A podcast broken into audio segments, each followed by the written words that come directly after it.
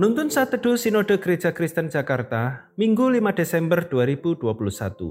Melihat kemuliaan Kristus, Yohanes pasal 2 ayat 1 sampai 11. Perkawinan di Kana. Pada hari ketiga ada perkawinan di Kana yang di Galilea dan ibu Yesus ada di situ. Yesus dan murid-muridnya diundang juga ke perkawinan itu. Ketika mereka kekurangan anggur, ibu Yesus berkata kepadanya, "Mereka kehabisan anggur." Kata Yesus kepadanya, Mau apakah engkau daripadaku ibu, saatku belum tiba. Tetapi ibu Yesus berkata kepada pelayan-pelayan, apa yang dikatakan kepadamu, buatlah itu. Di situ ada enam tempayan yang disediakan untuk pembasuhan menurut adat orang Yahudi, masing-masing isinya dua tiga buyung. Yesus berkata kepada pelayan-pelayan itu, Isilah tempayan-tempayan itu penuh dengan air, dan mereka pun mengisinya sampai penuh. Lalu kata Yesus kepada mereka, "Sekarang cedoklah dan bawalah kepada pemimpin pesta." Lalu mereka pun membawanya. Setelah pemimpin pesta itu mengecap air yang telah menjadi anggur itu, dan ia tidak tahu dari mana datangnya, tetapi pelayan-pelayan yang mencedok air itu mengetahuinya. Ia memanggil mempelai laki-laki dan berkata kepadanya, "Setiap orang menghidangkan anggur yang baik dahulu, dan sesudah orang puas minum barulah yang kurang baik. Akan tetapi engkau menyimpan anggur yang baik sampai sekarang.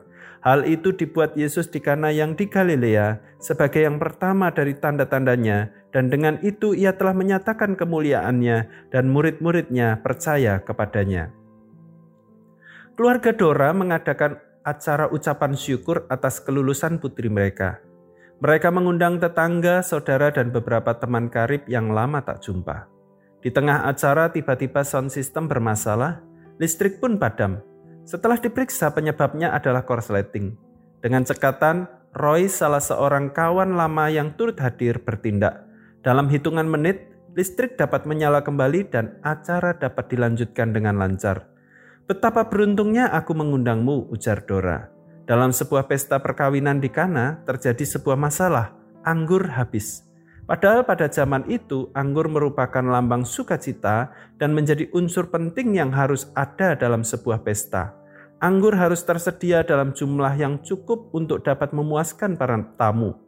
Habisan anggur saat menyelenggarakan pesta tentu sangat memalukan. Beruntung mereka mengundang Yesus. Masalah mereka teratasi karena mujizat yang dibuatnya menyatakan dia sebagai anak Allah, penebus dan penyedia. Membaca kisah ini tak jarang membuat kita mengharapkan mujizat serupa terjadi saat pergumulan melanda. Bisa saja, namun jangan lupakan hal-hal yang memungkinkan mujizat Tuhan terjadi.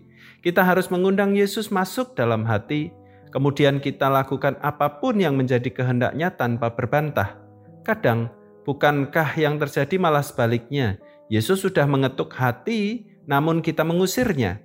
Kita enggan hidup dalam kehendaknya karena jalannya bertolak belakang dari keinginan kita.